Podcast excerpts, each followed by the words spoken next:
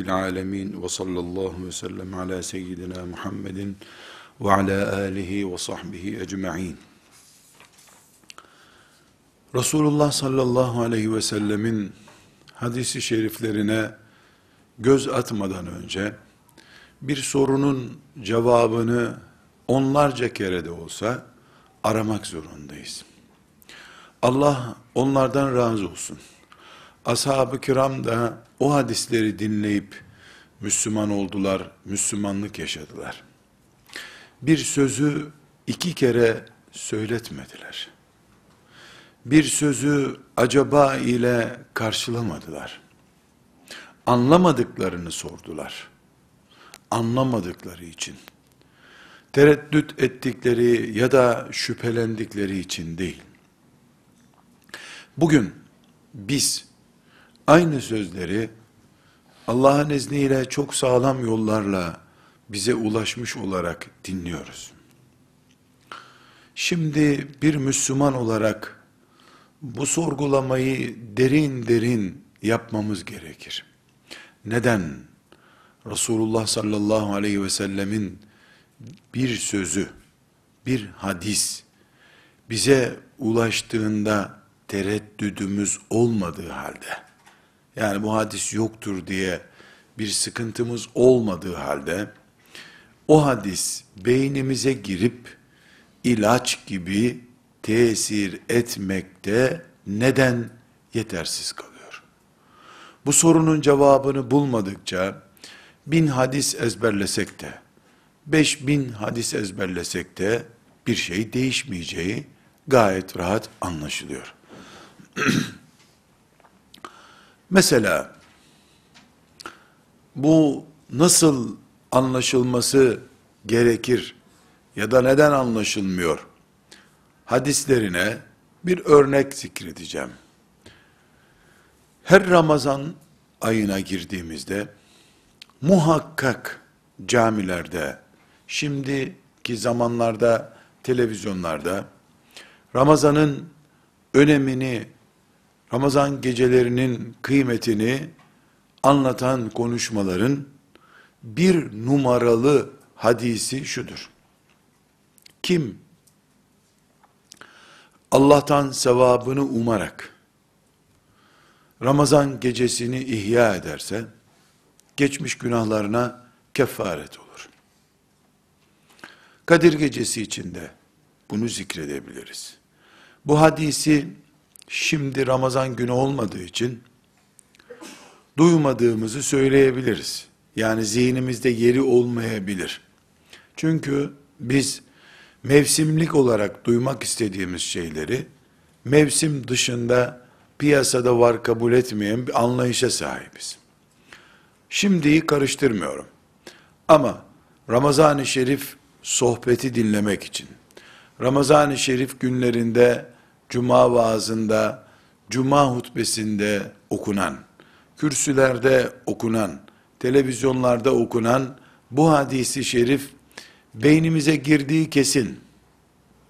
Kim Ramazan gecelerini Allah'a iman ederek ve ecrini Allah'tan bekleyerek yaşarsa o şöyle şöyle sevabı olur. Konumuz bu hadisi şerif değil. Ama Ramazan'la ilgili bu peygamber müjdesi aleyhissalatü vesselam beynimize girdiği halde beynimizde hangi dosyaya giriyor? Beynimizde neden kayboluyor bu hadis-i şerif? Ramazan-ı Şerif'i neden Allah'ın önümüze koyduğu büyük bir fırsat olarak değerlendirmemize yetmiyor bu hadis-i şerif? Burada elbette Resulullah sallallahu aleyhi ve sellemin sözüne güven yok. İmanımızda zayıflık var gibi ağır ve söylenmesi caiz olmayacak bir iddia içinde değiliz maazallah. Zaten Peygamber aleyhisselamın sözüne inanmasa bir insan camide ne işi var? Camide bu hadisi şerifi dinlediğine göre camiye giren müminin camide bulunması bir iman ciddiyetidir. İman varlığını ispat eden belgedir. Efendimiz sallallahu aleyhi ve sellem camiye devam edeni gördüğünüzde mümin olduğuna şahitlik edin diyor. E Ramazan-ı Şerif günlerinde de olsa bir Müslümanın camiye gelmesi Müslümanlığının belgesidir. Yüreğinde iman olduğunun işaretidir. Allah'ın izniyle. Ama bizim başka bir sorunumuz var. O bunu biraz daha derinleştiriyor. İmana rağmen, yani ortada bir iman bulunduğuna rağmen, neden bir mümin olarak biz, Resulullah sallallahu aleyhi ve sellem'den bir kere dinleyip bin kere dirilmiyoruz. Dirilemiyoruz. Bunun cevabının herkese göre değişken olacak bir bölümü olabilir.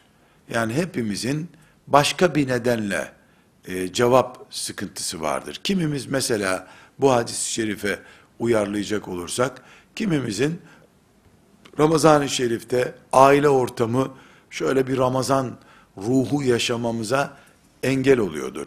Kimimizin gıda düşkünlüğü, iş sebebi buna engel oluyordur. Bu herkese göre değişken olabilecek bölümü bir kenara bırakmam gerekiyor. Ama Resulullah sallallahu aleyhi ve sellem Efendimizin bir hadisi şerifinin bizi bin kere ayağa kaldıracak bir eylem emri olarak algılanamaması, böyle bir etkisi olmaması herhalde ilacın kullanma tarihi geçtiği için etki etmemesi gibi bir durum değildir. Çünkü Resulullah sallallahu aleyhi ve sellem Efendimizin sözleri tarihi geçmiş ilaçlar değildir. İsrafil aleyhisselam suruna üfürmeden Resulullah sallallahu aleyhi ve sellemin hiçbir sözünün tarihi geçmiş olmayacaktır. O ne zaman sura üfürürse İsrafil, o zaman hiç kimsenin ne hadis dinlemesine ne de ayet okumasına fırsat kalmadı. Tarih bitti. Zaman bitti demektir. O güne kadar ne dediyse Resulullah sallallahu aleyhi ve sellem Efendimiz bu kesinlikle tarihinde kullanılan bir ilaç demektir.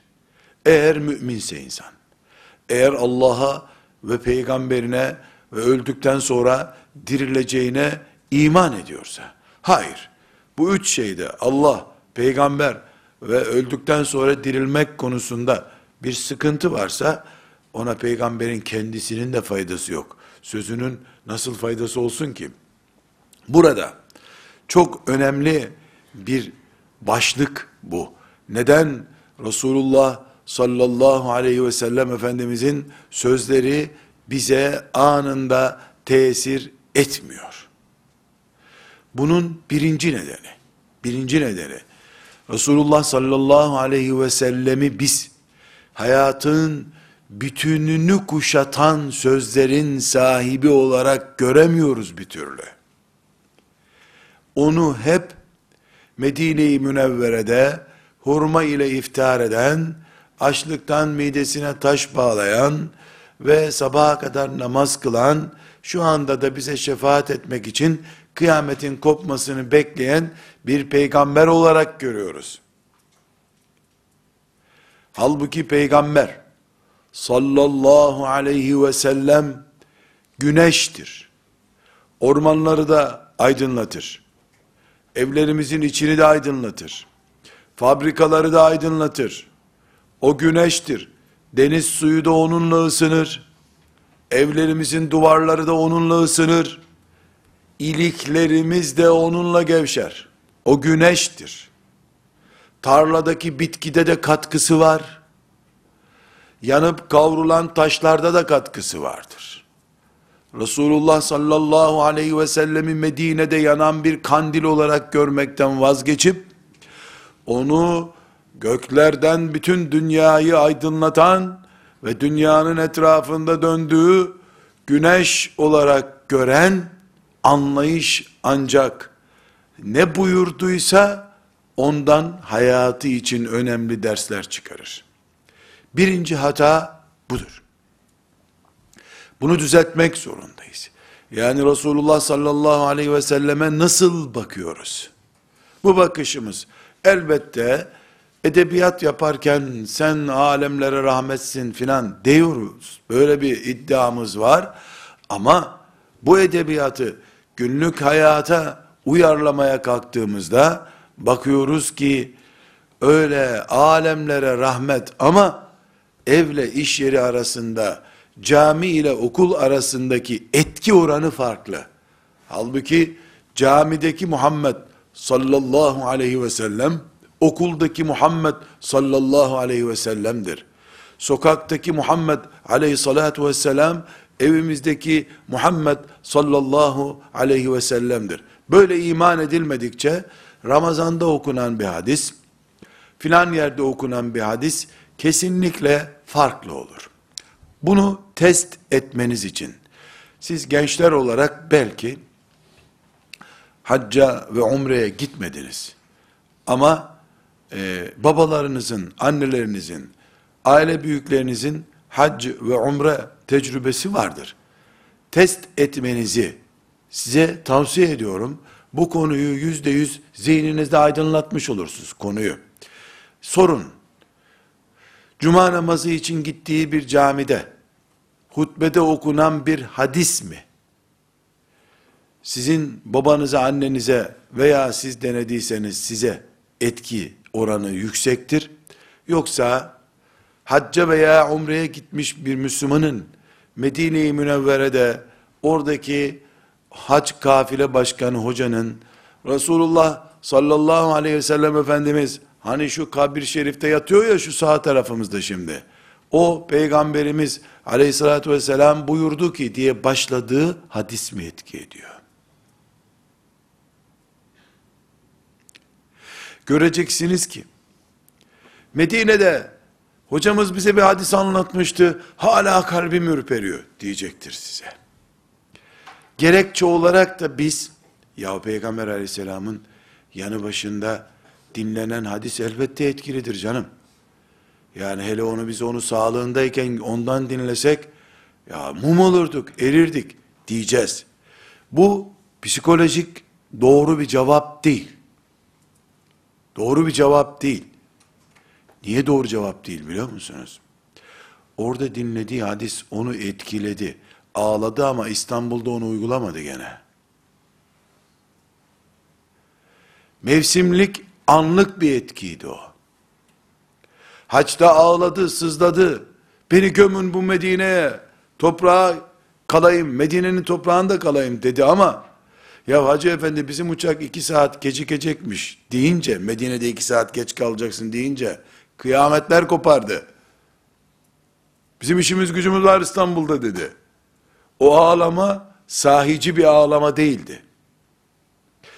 Onun peygamberi sallallahu aleyhi ve sellem hurma yiyen, hacılara dualar eden, hacılara siz beni kıyamet günü şefaatimle canlı göreceksiniz merak etmeyin ben size şefaat için kıyameti bekliyorum diyen bir peygamberdir. Allahu Ekber, Subhanallah, Elhamdülillah sözleri Medine'de tonajı ağır, İstanbul'da hafif mi? Muhammed sallallahu aleyhi ve sellem Medine'de orijinal peygamberde, İstanbul'da başka bir peygamber mi? Maazallah. Değil tabi. Bu sözlerin söylenmesine bile tahammülü yoktur Müslümanların. Bu ne biçim söz? Bunun esprisi bile yapılmaz. Şakası bile yapılmaz diye tepki gösteririz. El hak böyledir. Ama bir sorgulama yapıyoruz biz. Medine'de seni ağlatan peygamber, niye İstanbul'da kıpırdatmıyor bile? Aynı hadis değil mi? Evet aynı hadis. Aynı söz. Ama sen Medine'de görmeye alışıksın peygamberini. Onu İstanbul'da görmek istemiyorsun. Onu hurma bahçelerinde hayal edebiliyorsun. Şeftali bahçesinde hayal edemiyorsun peygamberini sen. Bu onlarca gerekçeden dolayı böyle oldu sonunda. Bu gerekçelerden pek çoğunu zikredebiliriz. Ama psikolojik nedenlerden biri. Bunu not edelim. Hurmanın, misvakın, takkenin, Medine fotoğraflarının, Medine hatıralarının, Uhud hatıralarının, Bedir hatıralarının, kutlu doğum haftalarının, gül edebiyatlarının, lale edebiyatlarının, bütün bu Medine'yi ve Medine'deki Resulullah sallallahu aleyhi ve sellemi beşeri, biyolojik simgelerden bir simgeye indirgemenin sonuçlarından birisidir bu. Kutsal yiyecek haline gelen hurmada sıkıntıdır bu. Hurmayı glikozlu bir nesne değil de şifalı bir bitki zannetmekten kaynaklanıyor bu. Evet, sallallahu aleyhi ve sellem Efendimizin temel gıdası hurmaydı ama hurma kutsal bir yiyecek değildir. Peygamber sallallahu aleyhi ve sellemle hatıra bağlantısı vardır. O kadardır. Kutsal içecek zemzemdir. Zemzem de Resulullah sallallahu aleyhi ve sellemin son 10 senesinde içtiği bir sıvı değildir. Taşınan bir zemzemi yoktur Peygamber sallallahu aleyhi ve sellemin. Bu Resulullah sallallahu aleyhi ve selleme ait maddi simgelerin onun maneviyatının önüne geçmiş olmasındaki afettir bu. Medine'de büyümemiş.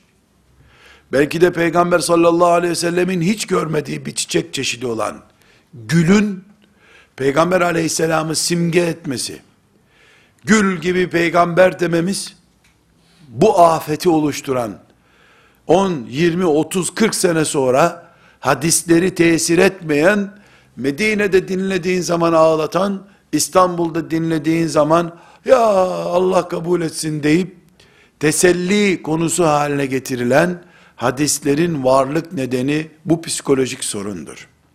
Niyetlerin, yani gülle ilgili, hurma ile ilgili, Uhud hatıraları ile ilgili niyetlerin kötü olduğunu haşa iddia etmiyorum. Niyetler, kalpler Allah'a açıktır. Biz sen bu gülü şu niyetle kullandın. Kutlu doğum haftasına şu niyetle gittin. Haşa böyle bir şey nasıl derim ben? Ama bunun 20 sene sonraki sonuçlarından konuşuyorum.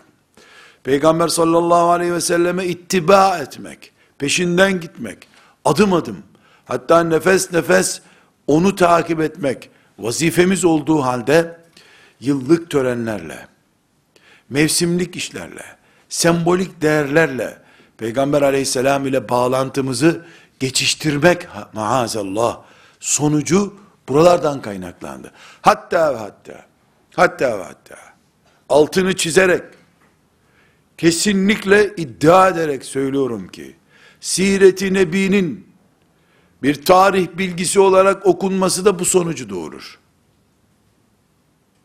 Eğer Bedir ve Uhud, Resulullah sallallahu aleyhi ve sellemin Kur'an'a yansımış iman hayatının Kur'an nedeniyle bize de yansıması gereken ders malzemesi olarak değil de, kim öldü, kim kaldı, kim vurdu, kim vuruldu filmi izler gibi, Uhud'un izletilmesi, çocuklara anlatılması, Kur'an'ın işaret ettiği siz Uhud'da böyle böyleydiniz bölümü, bir saatlik Uhud dersinin 60 dakikasının 55 dakikasını en azından oluşturmadığı sürece Kur'an'ın işaret ettiği, altını çizdiği bölümler, sadece Hamza'nın ciğeri, Musab'ın kopan kolu, filanca sahabinin kırılan dişi gibi duygusal, çocukları etkileyen bölümünü biz bin defa ders olarak okusak, bin birincide Medine'de bıraktığımız peygamberi ortaya çıkarmış oluruz. Aleyhissalatu vesselam. Halbuki peygamber sallallahu aleyhi ve sellem Medine'de kimse, İstanbul'da da odur, İsparta'da da odur, İzmir'de de odur. Peygamber sallallahu aleyhi ve sellem camide ne diyorsa, okulda da onu der. Sokakta da onu der. Evde de onu demelidir. İş yerinde de onu demelidir. Bugün bir soruya cevap bulmaya çalışıyoruz. Resulullah sallallahu aleyhi ve sellemi bu kadar dinliyoruz da neden biraz kıpırdamıyoruz? Kıpırdayamıyoruz. Dinlediğimiz bir hadisi şerif neden daha fazla bazen tartışan, irdeleyen, İslamiyet hakkında tereddüdü olan konular üretiyor. Bir çarpıcı soru da Resulullah sallallahu aleyhi ve sellemin hadisi şeriflerini dinlerken en çok etkilenen hanımlardır. Ben onun bilhassa Uhud'la ilgili, Bedir'le ilgili, açlığıyla ilgili hadislerini okurken hanım kardeşlerimizin ağladıklarını bazen beni de etkileyip hadisin devamını zor getirecek kadar hıçkırdıklarını görüyorum. Bu bir imandan. E, şüphesiz. Şüphesiz imandır. Elhamdülillah. Ama aynı peygamberin kadına belirlediği konumu dinlemeye de tahammülü yok. O ağlayan kadınların. Erkekler için de cari bu. Seçip seçip filmin heyecanlı bölümlerini izleyip gerisini ileri al, ileri al der gibi. Resulullah sallallahu aleyhi ve sellemin sözlerinden her biri cennete götüren, her biri Allah'a yaklaştıran sözlerinden seçip seçip dinlemek erkeğiyle kadınıyla bu asrın Müslümanının belası ürettiği sıkıntısıdır. İmanımızı tazelemek zorundayız. Resulullah sallallahu aleyhi ve sellemi semamızdaki bir güneş gibi göreceğiz. Okulumuzu da aydınlatacak. Evimizi de aydınlatacak. Sokağımızı da aydınlatacak. Tarlamızdaki bitkiyi o büyütecek. İş yerimizdeki iş gücümüzü o oluşturacak. Mezarda da bize lazım. Mezarın üstünde toprakta dolaşırken de bize lazım. Bana lazım. Eşime lazım. Çocuklarıma lazım. Siyasetçiye lazım. Tüccara lazım. Ziraat yapana lazım. Seyahat yapana lazım. İnsanın peygamberi bir insan o. Sallallahu aleyhi ve sellem. Bu çizgiye döneceğiz. Çaremiz yok. Ashab-ı kiramın bu çizgide olduğu gibi Allah onlardan razı olsun. Bu çizgiye dönmediğimiz sürece sıkıntımız da bitmeyecek, imanımızdan lezzet de almayacağız. Ki bugünkü sorunlarımızdan biri imanımızdan lezzet alma sorunudur. Bu sebeple ikinci önemli bir psikolojik konu olarak ashab-ı kiramın yapmadığı ama bizde maalesef yapılabilen hatalardan birisi Resulullah sallallahu aleyhi ve selleme ait sözlerin ilim ehli tarafından irdelenmesi gereken boyutunun yani bu sahih midir, e, zayıf mıdır, bu filan hadisi şerife göre nasıl anlaşılması lazım, şu sahabiye böyle demiş, bu sahabiye niye böyle demiş gibi konuların, Karadeniz'de bir deyim vardır. Elif'i görse mertek zanneder derler.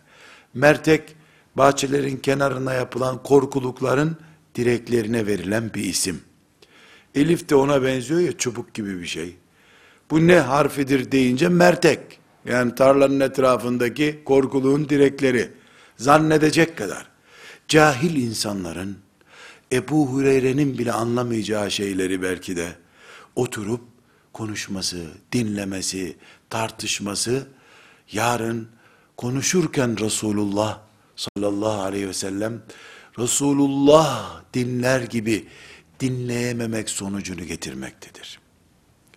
Onun için kesinlikle bir ilim gerektiren, bir seviye gerektiren şeyleri seviyesi olmayanlara vermemek gerekir.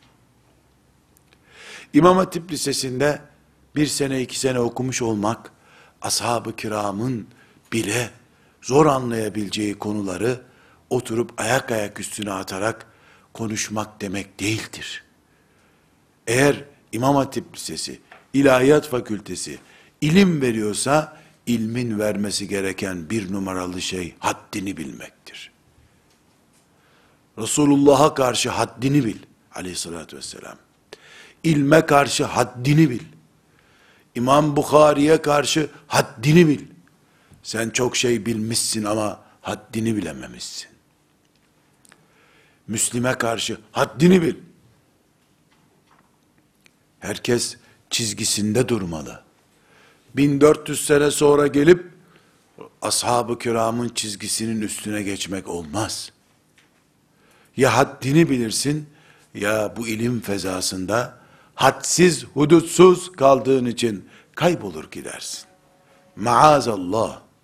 Bu sebeple bugün biz Resulullah sallallahu aleyhi ve sellem Efendimizin hadisi şeriflerini anında tesir eden bir ağrı kesici, bir antibiyotik gibi neden göremiyoruz? Neden bize böyle etki etmiyor? Ramazan-ı Şerif'le ilgili bir hadis-i şerifi camide dinledikten sonra fiilen Ramazan'a girme heyecanına neden kavuşamıyoruz? Bazı sözleri Peygamber aleyhisselamın Medine'de bize gözyaşı akıtıyor da İstanbul'da niye ayak ayak üstündeki hareketimizi bile bozmuyor? Sorusunun cevabını bulmaya çalışıyoruz. Bunun dediğim gibi herkese göre özel bir sebebi, kiminin anlayış kıtlığı olabilir. Kiminin Türkçe kıtlığı olabilir. Kiminin o gün başı beladaydı başka bir meseleyle olabilir. Herkesin çok özel nedenleri olabilir. Ramazan-ı Şerif'te bu hadisi dinlediğimde anlamama ya da hayatımı etkin hale getirmeme gibi. Ama biz bunun genel iki sebebini gündeme getirdik. Üçüncü bir sebebimiz daha var. Bunu da zikretmemde fayda var. Şimdi Resulullah sallallahu aleyhi ve sellemin sözlerine hadis diyoruz. Hadisi şerif diyoruz. Kur'an başka. Allah'ın sözleri. Celle Celaluhu. Şimdi Kur'an'a bakarken Allah'a bakıyoruz. Yani Kur'an demek Allah demek. Böyle mi? Böyle tabi. Tabi böyle. Başka ne olacak zaten? Hadis demek peygamber demek. Böyle mi? Böyle.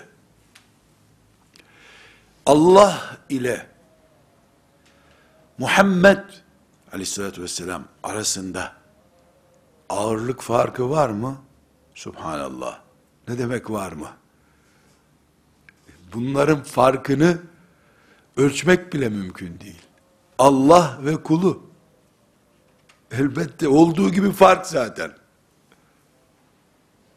Dolayısıyla Kur'an'la sünnet arasında, Resulullah sallallahu aleyhi ve sellemin sözleri arasında fark var mı? Var tabi. Allah'ın sözü bu. Olmaz olur mu hiç? Bir hadis Kur'an'dır diyenin imanından şüphe ederiz biz. Haşa Muhammed Allah'tır demek gibi olur bu. Bunu böyle kabul eden mümindir zaten. Öbür türlü iman gider. La kadderallah. Peki bu bizim hadisi şerifleri dinlerken sol kulağımızla dinlememizi mi gerektiriyor? Olmasa da olur mu bu? Cevap. Allah ve Muhammed kelimelerinin farklı olması, Allah ve Muhammed bir araya getirildiğindeki farktır.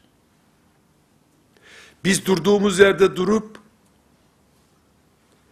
karşımızda bu iki kelimeyi Allah ve Muhammed kelimesini gördüğümüzde, bizim penceremizden bakarken, bizimle ilgili bir boyut olarak ele alırken, Allah ve Muhammed eşittir. Neden? La ilahe illallah Muhammedun Resulullah'ın birinci bölümü La ilahe illallah Allah. İkinci bölümü Muhammedun Resulullah. Yüzde kaçıdır Muhammedun Resulullah? Yüzde 49'u olabilir mi? Yani La ilahe illallah diyor, Muhammedun Resulullah demiyor. Yüzde elli bir imanı var adamın. Dolayısıyla cennete girecek diyebiliyor muyuz? Haşa. O zaman Muhammedun Resulullah La ilahe illallah'ın eşiti imanımız açısından. Yani ben burada duruyorum. Kelime-i tevhidi karşıma koyduğumda birinci ve ikinci cümlesi eşit. Muhammedun Resulullah desen, La ilahe illallah desen mümin olmuyorsun. La ilahe illallah desen de Muhammedun Resulullah demesen mümin olmuyorsun. O zaman bunlar eşit parçalar. Kendi içinde büyüklüğü, küçüklüğü bizim onlara büyük küçük takdir etmemize uygun değil ki. Bizim açımızdan çok önemli değil bu. Benim sağ kolumda kopsa kolsuzum ben, sol kolumda kopsa kops, kolsuzum. İki kolu olana kolu var deniyor çünkü. Bu sebeple Müslümanların Allah ile Peygamberi Muhammed sallallahu aleyhi ve sellem arasındaki farkı imanımızın gereği olan Allah'a ve peygambere iman etmeye uyarlamaları ölümcül bir tehlikedir. Bunun için bu ülkede 1970'li yıllarda bilhassa Ankara İlahiyat Fakültesinde öğretim üyeliği yapanlar, oranın öğretim elemanlarının, özellikle isim zikrediyorum, şu andakileri zikretmiyorum. O yıllarda bunu başlayanlar, fitneleri ne, ne kadar devam ediyor bilmiyorum. Ama o yıllarda neşrünema bulmuş olan bu e, ortamı zikrederek söylüyorum. Resulullah sallallahu aleyhi ve sellemin hadisi şeriflerine karşı laubali tavır. Ebu Hureyre demiş. Türlü çıkışlar aynı fakültenin şurada burada sesini yankılandıranlar tarafından 90'lı yıllarda hepiniz gördünüz. Muhammedur Resulullah demeyen de cennete girer verdiler. O laubali çizgi, Ebu Hureyre çizgisi, sonunda Muhammedur Resulullah'ı kökten sakıncasız olur kalkarsa haline getirdi. Elbette ümmeti Muhammed nefesiyle boğup attı bunları.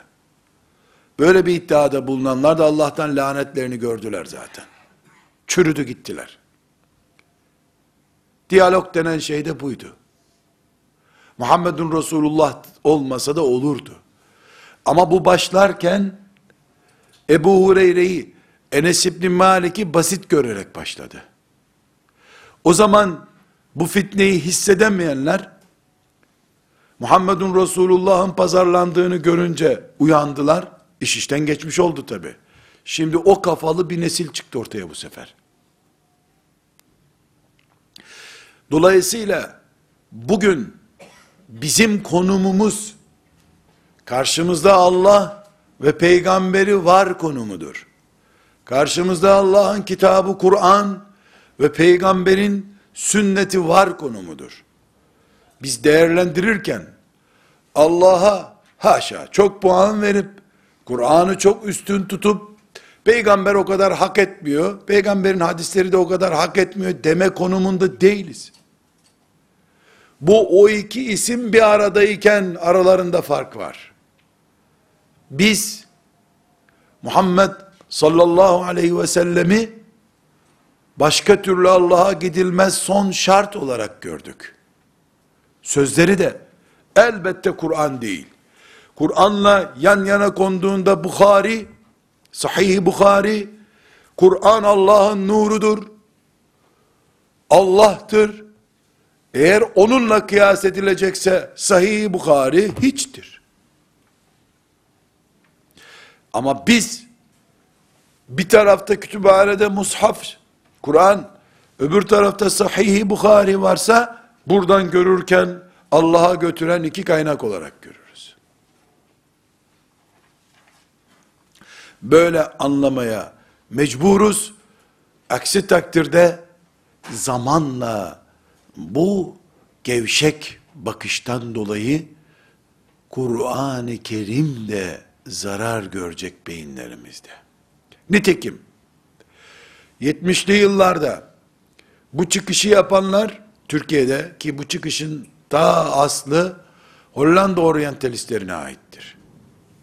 İki asır önce. Oradan Mısır'daki Ezer sarıklılarına sirayet etti. Oradan tercüme eserler kanalıyla mal bulmuş dilenci gibi bizim gevşek Müslümanlarımıza intikal etti. Müslümanlara da büyük bir keşif yapmış gibi bunu anlattılar. Elhamdülillah ümmeti Muhammed'in Resulullah sevgisi bunları nefesiyle bu topraklardan kovmaya yetti, yetecek biiznillahü teala. Ama biz bugün Resulullah hakkında aleyhissalatü vesselam laubali konuşabilenin yarın Kur'an hakkında çok daha rahat konuşacağını söylüyoruz. Bunun örnekleri de aynı adamların bu ayet aslında diye başladıklarını maalesef ne yazık ki gördük. Allah bu fitneden ümmetimizi muhafaza buyursun, imanımızı muhafaza buyursun. Şimdi Enes İbni Malik'ten bir hadisi şerif dinleyeceğiz. Bu anlattığımız konuyu, çizdiğimiz çizgiyi, perspektifimizi, bakan penceremizi bu hadise uyarlayacağız. Hadisi şerif İmam Bukhari'de Müslim'de yüz defa dinlediğimiz, belki geçen hafta dinlediğimiz bir hadis. Biz bunu üç kere daha dinleyeceğiz. Beş kere daha dinleyeceğiz. Hayatımızda bu hadis olmazsa ne olur? Bunu anlayana kadar. Geçen hafta bunu dinledik. Bu hafta da dinleyeceğiz, dinleriz. Haftaya bir daha dinleyeceğiz. Öbür hafta dinleriz kardeşim. Dinleriz. Çünkü ben Resulullah sallallahu aleyhi ve sellemi ihtiyacım olduğunda o ihtiyacımı gidermek için gittiğim bir market sahibi olarak görmüyorum ki. Hayatım olarak görüyorum. İmanım olarak görüyorum. Cennetim veya maazallah cehennemim olarak görüyorum. Üç kere dinlerim. Yedi kere dinlerim. Birinci dinlediğimde anlamadığımı yedinci dinlediğimde anlarım. Ha, bunu keşfettim derim. Bir yedi kere daha dinlemeye hazır olurum. Çünkü on dördüncü seferde belki başka bir şey keşfedeceğim bu hadis-i şeriften diye düşünüyorum.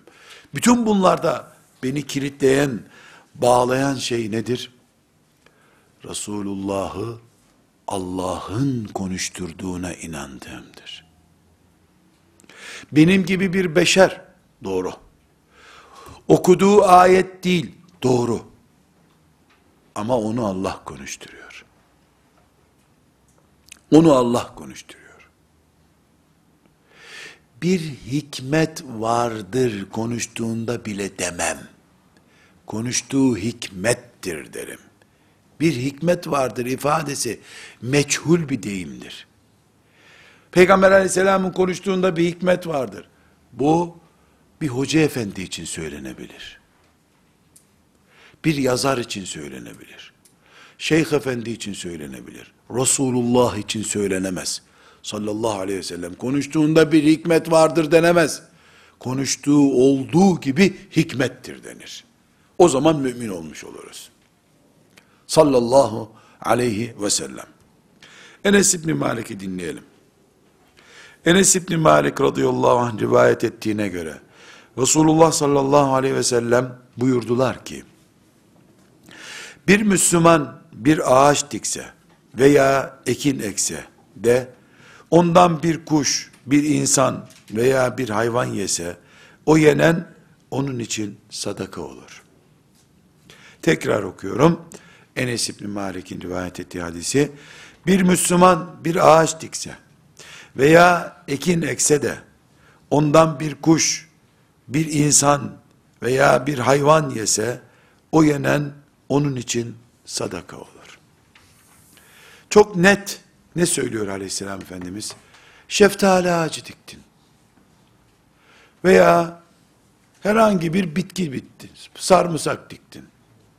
Pırasa diktin. Marul diktin. Bunu satacaktın. Para kazanacaktın. Çoluk çocuğunu yedirecektin.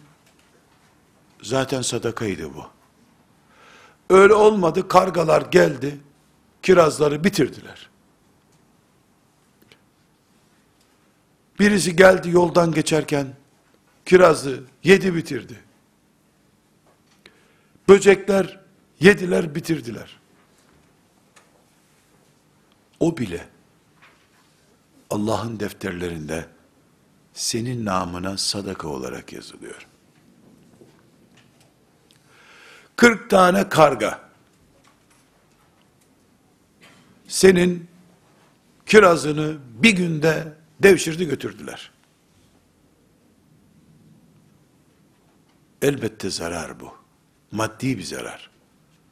Ama Allah katında senin namına sen istemediğin halde yapılmış bir sadaka bu. Erik ağacın vardı. Bir sabah kalktın ki ağaçta 500 tane erik var, 5000 tane de karınca var. İki gün önce bu karıncalar yoktu. Erik tatlanmaya başlayınca bunu anladı karıncalar. Süleyman Aleyhisselam'dan beri ne kadar karınca yaşıyorsa hepsi doldu erik ağacına. Kovarsın gitmezler. Üstüne senin üstüne çıkarlar. Seni gıdıklamaya başlarlar. Kaç karınca vardı orada? Ne bileyim bir milyon vardır herhalde.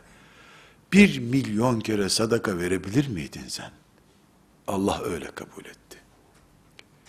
Diyor Enes İbni Malik'in Resulullah'tan duyduğu ve bize haber verdiği hadisi şerifte Bukhari'de 2320. hadisi şerif, Müslim'de 1552. hadisi şerif. Bu hadisi şerifi şimdi biz Muhammedun Resulullah diyerek iman etmiş müminler olarak nasıl anlamalıyız? Çok basit. Sadaka oluyormuş. Dur böyle.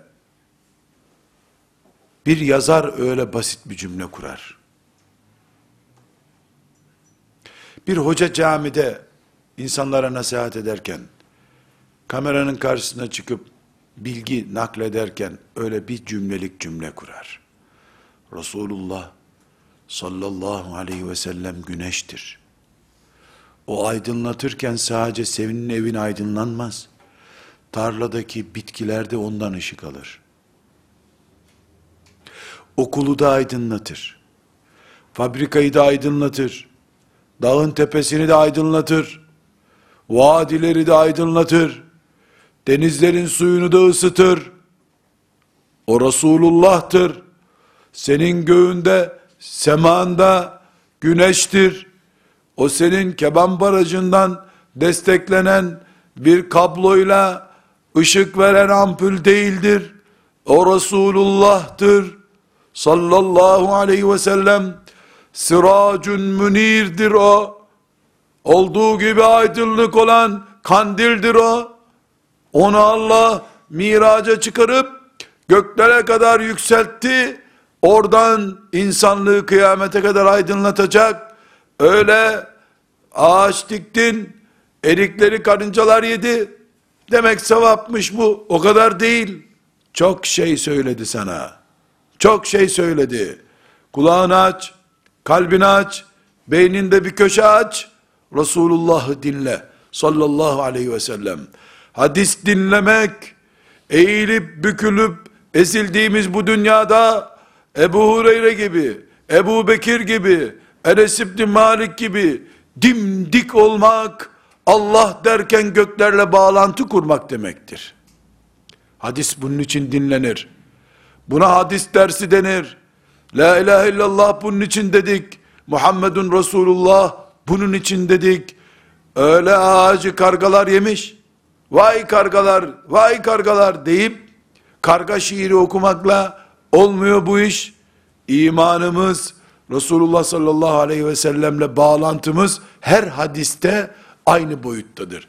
Bugün ben Bu hadisi dinlediğimde, yaşımdan dolayı, geçmiş birikimim, kültürümden dolayı, anlatanın anlatma zafiyetinden dolayı, veya ben o gün rahatsızdım, başım ağrıyordu, dişim ağrıyordu, ondan dolayı, bu hadisi şerifi tam anlamamış olabilirim. Haftaya dinlerim, öbür hafta dinlerim, bir dahaki Ramazan dinlerim, eve gidince bakarım, ne dedin ya Resulallah, kulağıma akıt bu sözleri diye, yalvarırım. Çünkü Peygamber sallallahu aleyhi ve sellem hacca gidenlerin haçta nasihatini dinlediği bir hoca efendi değildir. Alemlere gelmiş bir peygamberdir. Bütün ömrün boyunca buyur ya Resulallah demek zorundasın. Hadis bunun için dinlenir. Ebu Hureyre'yi Allah bunun için Peygamber sallallahu aleyhi ve sellemle aramızda bir köprü olarak, bir kablo olarak kurdu. Böyle anlayan sahabi Allah'ı buldu. Böyle anlayan tabi'in Allah'ı buldu. Bukhari'de, Müslim'de, Tirmizi'de, Ebu Davud'da, Nesai'de, İbn Mace'de, Ahmet bin Hanbel'de, Darimi'de, Darekutni'de Allah böyle çağırıyor kullarını. Böyle eğitiyor Peygamber sallallahu aleyhi ve sellem ümmetini. Şimdi bu hadisi şeriften şu kargaların yediği kirazların ağacından söz ediyoruz. Sadaka deyip geçiştirdik ya biz 20 seneden beri, 30 seneden beri. Ekini karga bastığında aldıkları sadakamız olsun canım. Deyiverdik ya biz. Meğer ki burada Resulullah sallallahu aleyhi ve sellem biricik ashabını eğitirken ve kıyamete kadar ona iman eden herkese telkinatta bulunurken bakın neler diyor. Bir, dedi ki şimdi siz ağaç dikmeyi ziraatçı, çiftçilerin veya yeni bir arsa aldın, o arsa güzel görünsün diye ya da erozyona karşı toprağını korusun diye yaptığın bir iş olarak görme. Ağaç dikmek, toprağa ekin ekmek, Allah'la ve peygamberle bağlantılı bir iş. Velev ki ambarlara koyacağın ürünü vermese de, hırsız elmaları çalıp götürse de ağaçtan, kurtlar, böcekler yese de kirazları, sen ağaç dikmiştin ya, Allah o ağacı boşa çıkarmıyor. Hurma ağacı da olsa böyle, şeftali ağacı da böyle. Demek ki bu hadis-i şerif Bukhari ve Müslim'in bu hadisi önümüze bir kural koydu. Müslüman ağaçla ilgilenen adamdır. Ve özellikle bu meyveli ağaçlar olmalı. Müslüman bahçesi ağacından belli olur. Niye? Niye? Çünkü Müslümana peygamberi kurtlar bile yese, böcekler bile yese, insanlar bile çalsa, bitki ve ağacı ilgi alanına al diye tembih etmişti. Enes bunu bize naklettiydi. Ben bir Müslümanın bahçesini ziyaret ettiğimde ehli sünnet olup olmadığını anlarım. Hayatta işe yaramaz ama bir arkadaşının villasına gittiğinde bahçede gördüğü bir bitki. Bu kokar mı? Yok. Bu ne işe yarar? Meyve verir mi? Yok. Böcek bunu yer mi? Yok. 12 ay böyle duruyor. Sadece zenginler bahçelerine bunu dikiyorlar. Bir zengin iş adamı Endonezya'ya gittiğinde oradan getirmiş bunu. Sökerim, bahçeme değil çöplüğe atarım onu. Çünkü peygamberim bana meyvesi olan, kurdun kuşun böceğin yiyeceği bir şey dik demişti. Bahçeme olduğu gibi marul dikerim. Solucanlar da onları gelir yerler. Afiyet şeker olsun.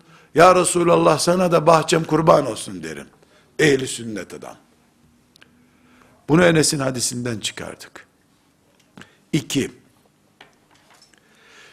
Resulullah sallallahu aleyhi ve sellem ne dedi bu Enes'in sözünde? Ne dedi?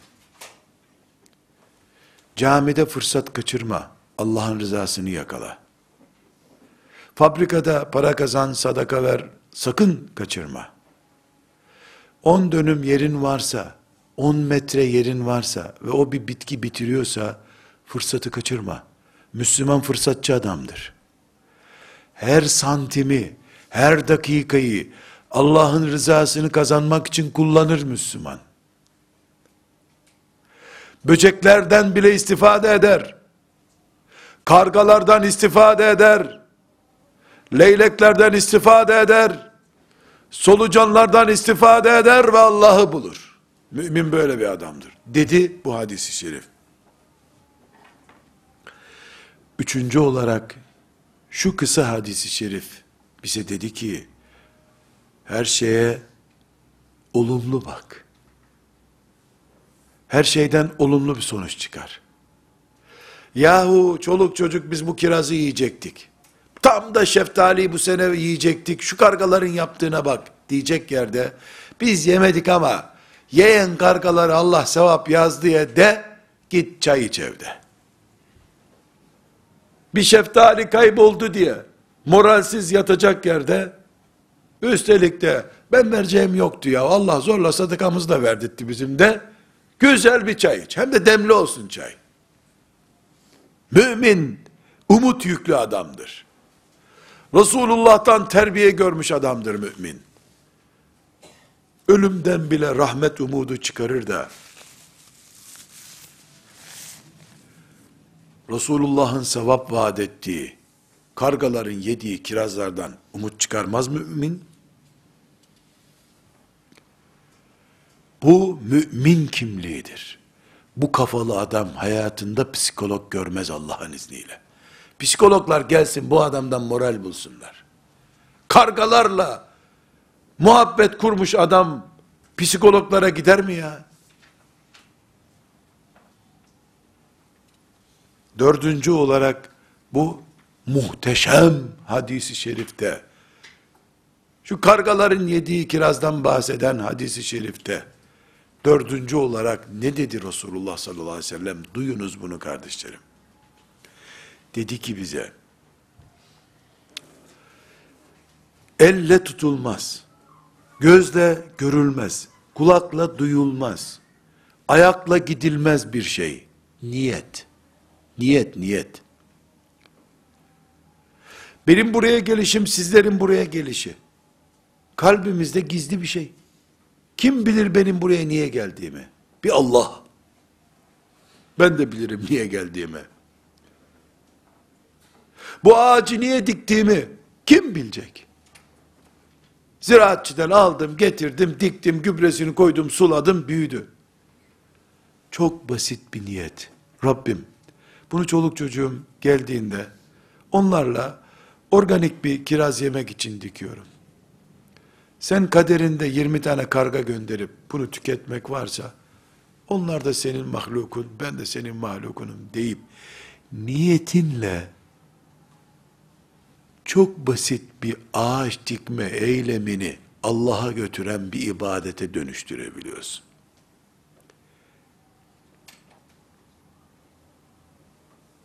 Çok basit. O niyet elle tutulmuyor. Gözde görülmüyor. Savcılık dosyasına girmiyor. Ama Allah görüyor. Allah biliyor. İnnehu alimun bizatis sudur. Göğüslerin sahibi Allah. Göğüslerde olup bitenleri bilen Allah. E biz ne yaptık? Demek ki çok basit, masrafsız, masrafsız, emeksiz, sorunsuz bir niyetten bile koca bir dünya kaçırmışız. Bu hadisten bunu anladık. Hadisin içinde bu cümleleri göremedim. Asırlardır Resulullah'ı böyle göremiyoruz zaten sallallahu aleyhi ve sellem. Çünkü o hurma ile doyan, hacılara dualar eden bir peygamber olarak hep Medine'de. Üniversitede ne işi var? Hele tıp fakültesinde, uzay bilimlerinde ne işi var? Elbette o peygamberin mesajları sana konuşmaz. Bak, bak, her yerdeymiş o meğer ki. Denizleri de ısıtan bir güneşmiş. Bahçedeki gün döndüleri de sağa sola çeviren güneş oymuş. Camide konuşur, fabrikada konuşur, fakültede konuşur, evde konuşur, kainat sesini duyar bir Resulullah'mış o meğer ki. Sallallahu aleyhi ve sellem. Ve beşinci olarak bu hadis ne dedi kardeşlerim? Elinizin emeğine önem verin dedi. Ağaç dikmek, meyve büyütmek, ziraat yapmak, onu çapalamak hep el emeği. Bu el emeğinin karşılığını bu sene sen don vurdu, bilmem ne vurdu diye almasan da Allah emeğinin karşılığını zayi etmez merak etme diyor. Çalışmaya teşvik ediyor. Burs almaya değil, sadaka vermeye teşvik ediyor. Balkonda oturup çay içecek yerde bahçene in. Al eline kazmanı, çapala. Onları tırpala, bir şeyler yap, boş durma. Diyor sallallahu aleyhi ve sellem. Ve altıncı olarak da ziraatle meşgul olanlar bundan ticaret yapsalar da mesela kiraz yetiştirdi 50 kasa bunu sattı. Asıl projesi bu adamın zaten. Hadisi şerif öyle yapamadın da kargalar yedi diyor. Aslını onaylıyor sana zaten. Dolayısıyla ziraatin ticarete dönüşmesini zaten Efendimiz sana mübarek bir iş gösteriyor. Bunu da bu hadisi şeriften ders olarak çıkarıyoruz. Ziraat üzerinden ticaret helal, bereketli, güzel bir iş demek ki. Alın teri çünkü bu. Ve yedinci, yedinci, Resulullah sallallahu aleyhi ve sellemin sözünden çıkan ders. Bu büyük hazine gibi hadisi şerifin ümmeti Muhammed'e öğrettiği yedinci kural. Bencillik yok. Sadece çoluk çocuğunu düşünmek yok. Sokaktan geçen de insan olarak senin kardeşin. Hadise dikkat ederseniz, mümin ondan yerse demiyor, insan yerse diyor. Bu dünyada hayvanlar, böcekler, insanlar hep beraber dünyanın kiracısıyız. Mümin bencil olmaz. Çünkü böcekler de, insanlar da, sen de hep Allah'ın kulu. Allah'ın mahluku. Evet, tırtıl böceği yedi gitti. İspanağı kökten götürdü. Lanet olası mahluk. Ne ettin sen ya? Biz bu sene ne yiyeceğiz? Evet, öyle ama onun faturası Allah'a yazılıyor. Sen merak etme. Mümin bencil olmaz. Dünyadaki diğer mahlukatla ortak yaşadıklarını bilir insandır. Ve sekizinci olarak kardeşlerim, bu hadisi şerif hepimizin ufkunda yeni bir slogan açtı. Nedir o? Hayır yapmak, sadece fakire erzak vermek, cuma günü camiden çıkarken dilenen birisine sadaka vermek değildir. Sadakamız kuşlar için de geçerli. Sadakamız bahçemizdeki armuttan da olur. Sadaka başka bir mahluka, insana değil sadece. Başka bir mahluka ona yarayacak bir şeyin ulaşmasına sebep olmaktır. Dolayısıyla bu kısa hadisi şerif bize sadaka ufkunun da ne kadar büyük, geniş, Allah'ın rahmeti kadar geniş bir yatırım alanı olduğunu göstermiş oldu. Sekiz madde çıkardık. Sekiz satır bile olmayan bu hadis-i şeriften. Hadis-i şerifin aslı iki satırdır Bukhari'de. Resulullah sallallahu aleyhi ve sellemi dinlerken ashab-ı kiram, Allah onlardan razı olsun. Eminim ki, hiç tereddüt etmiyorum, en az sekiz madde daha çıkarmışlardır bu hadisten. Ben böyle oturup düşüne düşüne, diğer şerhlerine baka baka bu kadar bulabildim. Enes İbni Malik'in aklını, kafasını ah bir görebilseydim. Kim bilir bu hadisten ciltler dolusu servet üretmişti. Çünkü Resulullah güneştir sallallahu aleyhi ve sellem. Deniz sularını ısıtıyor, enerjisi azalmıyor.